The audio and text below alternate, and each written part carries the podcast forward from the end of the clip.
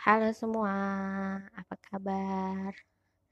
Jadi aku rekam podcast kali ini itu bertepatan dengan malam takbir malam takbiran Ramadan 2020. Aku bingung sebenarnya pengen ngomong apa atau ngebahas apa karena sebenarnya aku lagi gak punya topik. Tapi aku pengen aja bikin podcast. Ah, pasti yang teman-teman gue tahu deh kenapa tiba-tiba malam ini aku pengen bikin podcast? Ah. Ya sebagai sebagai seorang jomblo wati ya kan? Terus kebetulan juga udah masak buat lebaran. Ya apalagi yang bisa dilakukan? Aku bosan ya kan nonton YouTube abis itu aku bosan uh, sedang bosan dengan drakor. Jadi ya aku mau ngobrol aja di sini walaupun nggak ada lawan obrolan. Pokoknya ya aku mau ngoceh-ngoceh aja. Jadi sebenarnya podcast kali ini nggak berfaedah. Aku pengen ngobrol apa ya? Oh ini aja. Apa yang udah kalian lewatin di sepanjang awal 2020 sampai pertengahan 2020 sampai hari inilah. Ini tuh tanggal berapa? Ini tanggal 23 Mei 2020 dan ini malam takbir. Jadi apa sih? Kalau mungkin kalau perbedaannya sama tahun-tahun sebelumnya tahun ini tuh kita memang ini ya untuk untuk hal yang merata ya general bukan cuma Indonesia doang tapi dunia ya. Maksudnya ya salah satunya adalah corona. Mungkin itu perbedaannya di 2020 saat Ramadan kita benar-benar ngerasain ibadahnya ya di rumah gitu. Tapi sih sebenarnya kalau kita ambil hikmahnya ya salah satunya aku ya. Aku jadi um, bisa lebih giat lagi sih baca Al-Quran ya tapi kalau yang lain nggak tahu ya gimana gimana gimana. Tapi aku nggak mau bahas corona terlalu berat buat dibahas. Ya ya bukan ranahnya aku aja buat ngebahas kayak gitu. Ya mungkin kalau kalian sama teman-teman kalian bisa lah obrolan kalian aja. Kalau aku aku nggak mau ah terlalu sensitif guys. Aku salah. Jadi aku mau ngobrol santai aja aku mau ngobrol uh, apa sih perubahan di da di hidup kalian di 2020. Kalau aku, aku banyak banget hal hal-hal yang berubah di dalam hidup aku. Mungkin kalau dari diri aku sendiri adalah salah satunya aku jadi suka yang namanya olahraga. Mungkin belum sampai edik sih, maksudnya belum sampai edik. Cuman aku sekarang nggak tahu ya, aku dari awal tahun tuh agak sedikit tertarik sama olahraga sih uh, nggak awal tahun banget yang mulai-mulai tahun eh mulai-mulai bulan apa ya sam oh apalagi kemarin work from home aku tuh sampai benar-benar beli matras beli dumbbell. Dulu aku punya dumbbell tapi nggak uh, tahu hilang ke mana. Itu juga bukan punya aku sih punya kakak aku. Nah biasanya tuh dulu aku cuma pakai botol isi air kayak gitu doang. Cuman kemarin pas lagi awal-awal work from home tuh ya udahlah kayak aku uh, juga maksudnya uh, ada ya, adalah buat beli alat. Ya udah aku jadi aku seneng buat olahraga. Kayak karena di usia aku ya usia aku kan juga udah lumayan ya. Aku udah pokoknya udahlah udah sudah usia-usia menuju ke emak-emak lah pokoknya intinya. Bukan usia menuju ke emak-emak emang umurnya emak-emak sebenarnya ya uh, walaupun gak punya anak dan punya belum punya anak dan belum punya suami. Belum jangan enggak. Kalau belum kan berarti akan. Nah aku tuh butuh banget nggak tahu. Aku ngerasa perbedaan banget sih. Ngerasa perbedaan banget kalau aku olahraga sama enggak. Nggak tahu kenapa aku tuh jadi ngerasa kebetulan kan kalau aku tuh bekerja di DR SCBD ya. Nah kalau SCBD dari dari gedung aku mau ke jalan utama mau ke kayak ke halte atau aku mau ke MRT itu kan juga jalannya agak lumayan. Nah kalau aku olahraga itu tuh bener-bener berasa ringan banget. Langkahnya aku tuh bisa cepet gitu cepet. Dan itu tuh berasa banget ringan. Walaupun aku ya pokoknya kalau kalian tahu aku tuh tit gitulah. Gempal. Ya gitu itu tuh langkahnya bisa bisa gesit gitu loh enak gitu. Kalau aku olahraga misalnya di Sabtu minggunya aku kalau pas lagi hari-hari kerja jujur aja susah kalau buat buat olahraga. Jadi aku tuh kalau olahraga tuh di Sabtu Minggu kalau misalnya pulang kerja olahraga itu tuh gak bisa gak bisa banget. Walaupun aku tuh seberang-seberangan sama GBK gitu ya nggak bisa. Mungkin aku pernah sih kemarin sebelum akhirnya diumumin untuk work from home itu aku sempet olahraga ke GBK tapi jadinya aku bukannya olahraga jadi kayak main di GBK main sepeda. Walaupun juga sepedahan juga olahraga capek-capek juga badan. Cuman kayak lebih nggak fokus gitu. Tapi aku akhirnya menemukan sih nanti kalaupun aku ke GBK lagi aku mau olahraga apa di sana. Karena aku udah menemukan kira-kira aku mau olahraga apa. Aku udah searching searching olahraga yang bakal aku ikutin nanti di GBK nah kalau di rumah tuh aku bisa fokus buat latihan perut latihan tangan. Dan itu berasa banget bener-bener berasa banget ke efeknya ke badan aku tuh bener-bener berasa. Apalagi bener di usia aku yang udah segini yang udah kayak aku sebutin ya yang udah kepala tiga. Oke aku bangga dengan usia aku segini. Nah itu tuh ngerasa aku butuh banget hal itu. Karena jujur kemarin-kemarin sebelum aku olahraga aku tuh gampang banget ngerasa sakit pinggang pusing kayak gitu-gitu. Dan sekarang nih sekarang nih aku tuh kemarin sebulan puasa ini kan aku nggak total aku bener-bener nggak olahraga ya.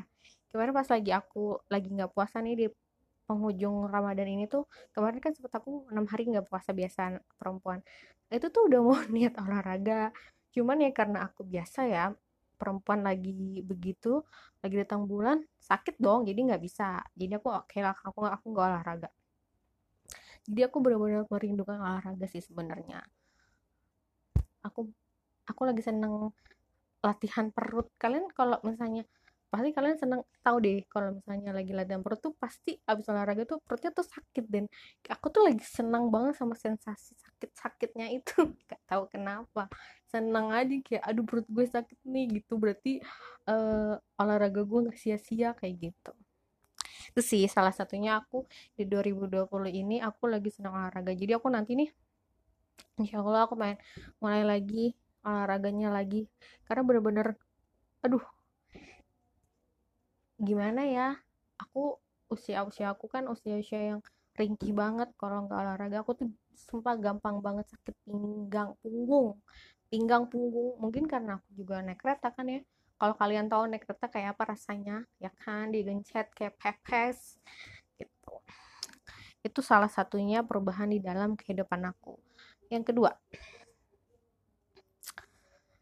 kalau dari tahun-tahun sebelumnya aku jomblo tahun ini.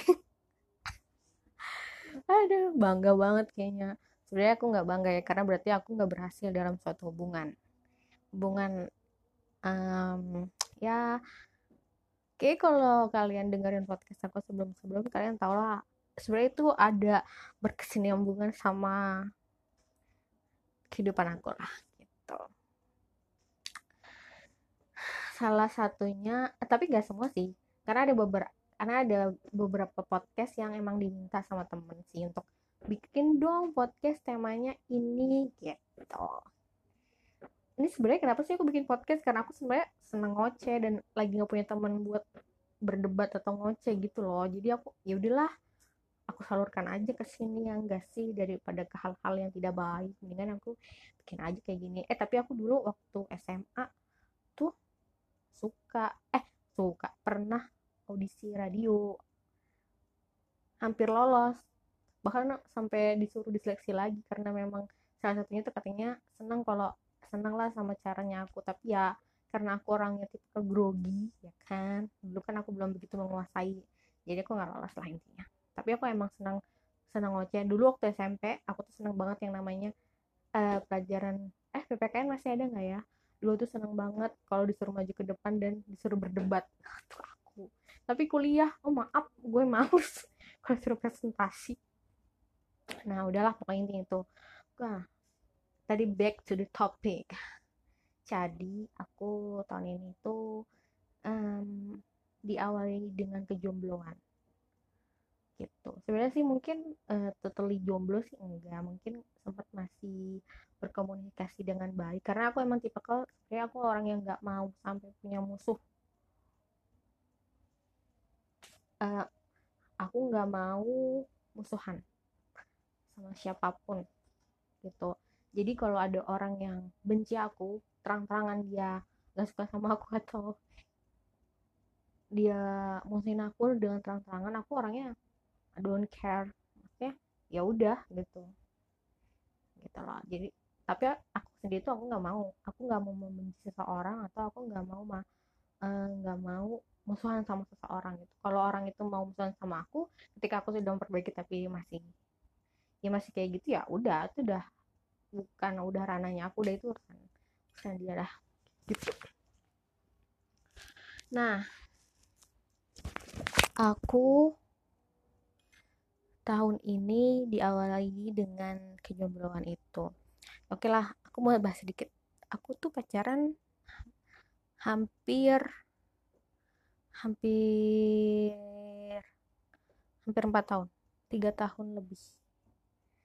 Tiga tahun lebih lah tapi di tahun ketiga aku ya tepatnya 2019 itu ya aku tahulah kebohongan atau um, ya pokoknya kalau kalian nonton eh dengar podcast aku yang pertama itu eh, itu yang terjadi di dalam kehidupan aku gitu. Itu itu yang sedang terjadi di eh, itu yang pernah terjadi di di kehidupan aku kemarin gitu. Tapi totally aku nggak eh nggak menyalahkan aku gimana ya? Aku uh, dapat nasihat juga terus memang dari diri aku juga gitu. Aku tidak pernah mau menyalahkan sesuatu sepenuhnya sama orang lain. Misalkan ya ya mungkin mantan aku dulu kayak gitu mungkin ada salah ada hal yang bikin uh, dia berbuat itu gitu loh. Karena nggak mungkin dia berbuat itu kalau nggak ada alasannya gitu. Walaupun itu berkesinambungan ke aku atau enggak pasti dia ada alasannya. Dan aku ketika aku mau memaafkan orang lain aku selalu mengambil salah satu sedikit baik sedikit atau setengahnya dari kesalahan yang dia lakuin gitu. Jadi aku bakal bilang ke diri aku dia nggak salah sepenuhnya. Pasti uh, ini juga ada peran di dalamnya eh, peran aku di dalamnya gitu. Jadi itu adalah cara aku untuk memaafkan seseorang gitu, gitu loh nggak tahu ya itu baik apa enggak tapi mungkin sisi buruknya adalah aku jadi um, gimana ya nggak bisa cepet move. Aku tipe orang yang nggak akan nggak mudah move move move on tuh aku nggak yang aku tahu nih aku disakitin aku nangis sebenarnya aku sedih patah hati bla gitu. Tapi tuh mungkin kalau sebagian perempuan kan stop kelar gue nggak mau. Kalau aku nggak aku tuh mencoba untuk memperbaikinya perbaikin perbaikin perbaikin gitu. Sampai akhirnya aku sendiri yang sadar oh ini salah. Ini salah. Ini nggak bisa. Ini nggak bisa dipaksain gitu. Jadi aku titik triggernya aku akhirnya berpikir ini salah. Ini nggak bisa ini ini salah. Ini ini nggak bisa diterusin. Ini nggak bisa ini nggak bisa lagi nih. Ini akan nyakitin semuanya nih. Bukan cuma aku doang tapi uh, mantan aku juga gitu. Ini salah nih itu tuh baru beberapa bulan yang lalu gitu. Jadi aku benar oh oke. Okay. aku akhirnya berpikir gitu lah mungkin ini salah. Kalau akhirnya kita terus-terus sama-sama mungkin akan saling nyakitin keduanya gitu. Karena memang sebenarnya permasalahan aku sama mantan aku bukan hanya soal dia nyakitin aku. Pokoknya ada beberapa faktor juga yang akhirnya aku pikir oh ya udahlah. Ini memang um, bukan waktunya aku lagi sama dia terus bersama gitu. Asik. Terus bersama tapi aku nggak menjadikan dia musuh di dalam kehidupan aku ya. Maksudnya um, ya udah kayak kayak oh ya udahlah. Toh akan ada akhirnya lah maksudnya pasti kan yang namanya ada pertama ada perpisahan kayak gitu lah mungkin mungkin mungkin yang udah aku perjuangin ya emang nggak nggak balik untuk sama-sama terus gitu. Jadi tapi aku tetap nggak akan menyalahkan sepenuhnya sama dia. Pasti aku, aku akan mengambil peran itu di dalamnya kayak gitu. Nah apalagi ya? Tapi selama 2019 kemarin tuh aku ngerasa banyak banget. Kayak apa ya kayak um, aku berpikir dan belajar sebenarnya. Entah banyak hal yang bikin aku jadi berpikir dan belajar sih sebenarnya kayak gitu. Uh, mungkin itulah yang bisa bikin aku dewasa. Aku mungkin kadang kadang kita um, umur kita sudah segini nih tapi kadang cara pikir kita itu kalah sama anak-anak yang di bawah kita mungkin gitu kedewasaannya itu salah satunya. Terus aku sih sebenarnya sekarang yang aku rasain dalam kehidupan aku mungkin lebih cara sudut pandang aku atau aku melihat sesuatu tuh aku ngerasa ada perbedaan sih gitu. Tapi apa ya aku nggak bisa ngedeskripsiin ya karena susah ngedeskripsiinnya kayak gitu cara memandang sesuatu hal kayak gitu. Tapi aku lebih kayak ngerasa ya udahlah belajar ikhlas itu memang nggak mudah sih guys. Susah susah banget. Akhirnya aku berpikir ke situ tuh juga aku butuh butuh mengenal banyak orang. Oh ya aku ada nih temen kenalan juga. Jadi sebenarnya untuk gimana ya aku nggak mau nge-rebound gitu loh. Aku mungkin kalau beberapa orang hmm, beberapa orang kalau ketika patah hati dia cari rebound ya atau pelampiasan. Nah aku tipikal yang nggak bisa gitu loh nggak bisa. Aku tuh nggak akan pernah bisa. Mantan aku pun juga tahu. Walaupun aku ada beberapa nggak nggak sok cantik sih gimana ya maksudnya mungkin ada yang yang deket coba ngedeketin ke aku. Akhirnya dari aku tahu dia selingkuh aku tuh dulu orang tipikal kalau aku udah punya pacar aku aku akan selalu bilang misalnya ada cowok yang ngechat aku aku akan bilang I'm sorry gue udah punya pacar. Sorry uh, gue udah punya suami. Itu itu pernah aku ngomong gitu. Sorry ya gue udah punya suami. So langsung aku blok. Aku tipe yang kayak gitu karena aku ngerasa aku tahu ketika pasangan atau pasangan kita tahu ada yang kayak gitu pasti aku nggak mau lah intinya nggak mau bikin dia cemburu or something like that. Aku mau minimalisir karena aku yakin karena di luar itu pasti kita punya masalah banyak intinya kayak gitu. Jadi aku nggak mau ada ada yang kan orang-orang ketiga. Eh akhirnya ke kejadian. Tapi bukan dari aku itu dari mantan aku. Ya udahlah. Nah iya waktu pas lagi aku lagi galau-galaunya tuh kemarin ada yang ngechat ada apa aku nggak pernah sampai aku di dijemput. Itu tuh ya udah aku biasa aja aku nggak ada ngerasa gimana gimana ya tetap aja aku galau nggak nggak nggak nggak gimana aku nggak bisa rebound itu nggak bisa rebound nggak aku nggak dapet feelnya gitu ya udah aku cuma berteman aja sama siapa pun tapi aku nggak menjadikan mereka pelampiasan kegalauan aku tuh nggak udah biasa. Tapi ada satu tapi nggak rebound ya. Mungkin karena uh, aku tahu kita sama-sama punya uh, masalah yang sama. Itu sih ngerasanya di situ. Ngerasa punya sama masalah sama tapi nggak tahu ya itu dia bener apa enggak ceritanya. Tapi ngerasanya di situ. Jadi kayak gini loh. Aku, aku kayak ngerasa kayak termotivasi gitu. Dia aja cowok digituin aja go out gitu. Lah gimana gue gitu cewek gitu. Maksudnya mau kayak gini terus gitu. Jadi kayak aku tuh kayak kayak um, punya tongkat pegangan gitu loh akhirnya buat aku. Oke okay, gue cabut. Karena salah satu teman aku ini Hai kamu yang mendengarkan. Gak juga sih gak mungkin dengerku. Ya intinya kayak gitu. Nah dari dia sih aku akhirnya um, triggernya aku buat oke okay lah gue mesti lepasin. Satu lagi juga temen aku sahabat aku cowok dari SMA eh banyak lah temen aku yang menolong aku di saat aku susah itu dengan hati aku. Eh yaudahlah aku sebutin gak jangan ya. Sebutin nggak namanya siapa? Ah, pokoknya adalah teman sahabat aku cowok ya yang dari SMA dia ngebantuin aku banget.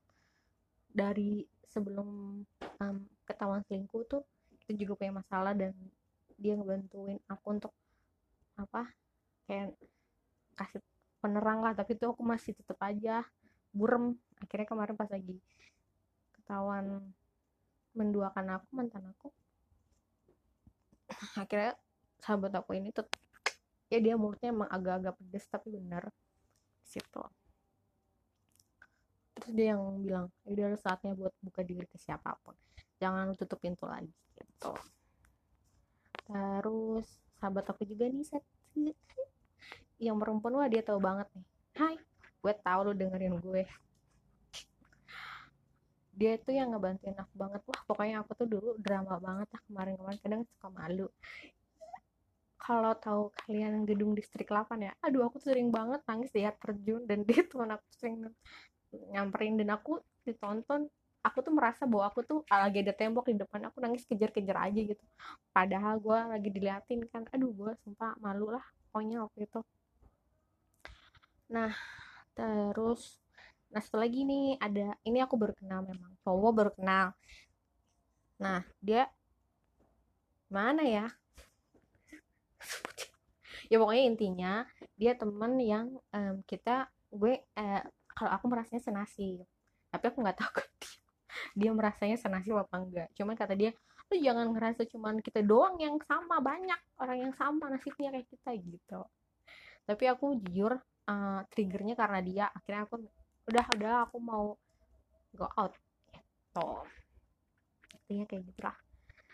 Jadi tadi kepanjangan ya. Jadi intinya apa ya? Pokoknya intinya yang berbeda dalam kehidupan aku 2020 ini pertama aku jadi sekolah raga kedua 2020 ini aku jomblo wati. Akhirnya aku jomblo lagi. Tapi jujur ya guys aku tuh baru pacaran itu baru di usia 2000 di usia umur umur berapa ya? 25 25 tahun. Karena aku pikir waktu itu kayaknya aku udah mau serius nih gitu. Aku eh 2000 pokoknya 2014 2015 sorry. 2015 akhirnya. Aku akhirnya mau pacaran. Karena dari dulu aku nggak mau pacaran. Aku karena nggak mau nggak mau sakit hati nggak mau diselingkuhin nggak mau nangis nangis nggak mau galau galau tapi tetap aja. Ujung-ujungnya gue nangis-nangis galau-galau. Intinya itu. Nah itu gara-gara temen aku juga tuh sahabat aku yang SMA itu yang cowok. Kalau ketemu gini ngomongnya mana? Cowok loh sini lo kalau mau ketemu sama gue bawa cowok loh gitu. Tapi aku nggak pernah gubris biarin aja. Bodo amat. Nah, tapi waktu itu akhirnya aku berani serius tuh karena mantan aku yang sebelumnya itu emang dia serius. Dia emang benar-benar serius. Akhirnya tapi kita nggak jadi nih nikah juga itu gara-gara karena bapaknya sakit dan dia masuk S2 di UI dan dia mesti fokus sama ya pokoknya intinya itulah. Dan aku aku yang baru pindah dari luar kota. Aku memang staynya di sini. Cuman aku sempat kerja di Kalimantan lah intinya. Dan aku yang baru kayak dari Kalimantan ke balik ke rumah terus kayak aku harus adaptasi dari ulang dan aku tuh ke dia terus gitu dan dia tuh nggak bisa gitu lah intinya kayak gitulah. Akhirnya kita ya intinya nggak jodoh lah kalau kalau sama dia. Aku mah sempet galaunya parah. Parah banget nangis nangis karena memang dia cowok aku tuh nggak mau nggak mau. Aku udah bilang aku mau deket sama cowok langsung nikah sebenarnya sebenarnya sebelum sama dia tuh udah deket pernah deket sama beberapa cowok cuman nggak pernah pacaran.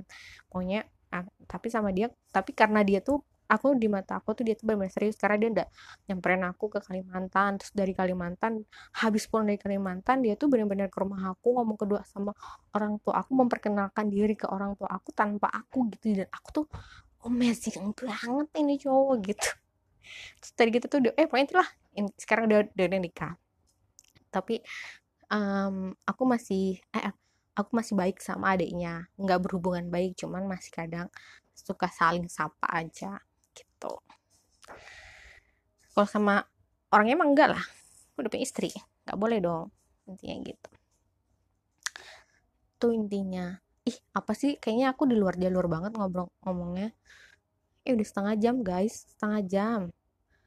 Ya intinya pokoknya banyak perubahan eh banyak perbedaan di 2020 ini gitu.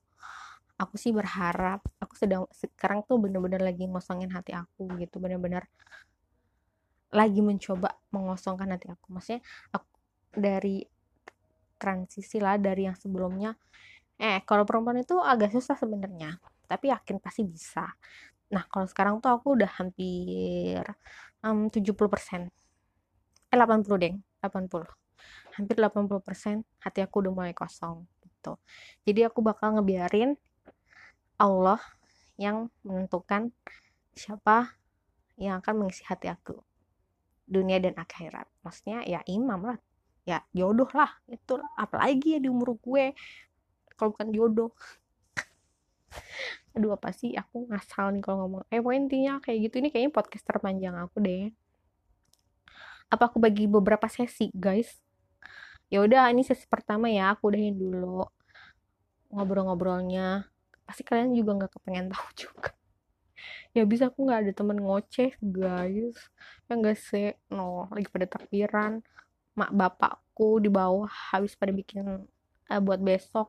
Kan besok nggak ada yang ngumpul ya paling cuman keluarga aku doang dan ponakan-ponakan aku. Dan aku nggak punya ya yang nggak punya calon belum belum ada calon suami jadi nggak akan ada yang ke rumah gitu. Bayangin aja lah habis lebaran ini atau ada yang ngetok pintu rumah aku hmm, enggak kamu jadi istri aku. Loh nanti aku mau ngundang temen aku ah buat ngayal bareng. Eh enggak ding. Mau ngundang temen aku buat ngobrol di podcast buat cerita. Oh banyak teman-teman aku yang nikahnya tahu-tahu hmm, ntar pas aku aku ngobrol deh sama mereka. Yang nikahnya tahu-tahu. Nikah tahu-tahu jodoh datang dengan cara tahu-tahu. Kayak gitu juga padahal semua itu udah direncanakan oleh Allah Subhanahu Wa Taala ya. Pokoknya intinya siapa pun di luar sana yang jomblo tenang. Kalian gak sendiri aku pun juga jomblo. Dan kita ya harus yakin bahwa sebenarnya jodoh itu sudah ada ditetapkan kok tenang aja. Insya Allah insya Allah. Jodoh akan datang pada waktu yang tepat. Yaudah ya guys. Aku mau gosok baju dulu nih buat besok sholat id. Sholat itu juga cuma di rumah sebenarnya. Nanti aku sambung lagi ya di podcast podcast eh, mau ngobrol asik atau ngobrol sama temen aku nggak tahu aku. Kemarin sih udah aku mau undang teman aku satu lagi yang nanti insya Allah akan nikah tahu-tahu. Aku juga nanti insya Allah habis lebaran nikah tahu-tahu tahu-tahu nikah salah. Insya Allah. Nggak tahu sama siapa. Ya udahlah kan boleh berdoa lagi takbiran. Deh ya Sampai jumpa.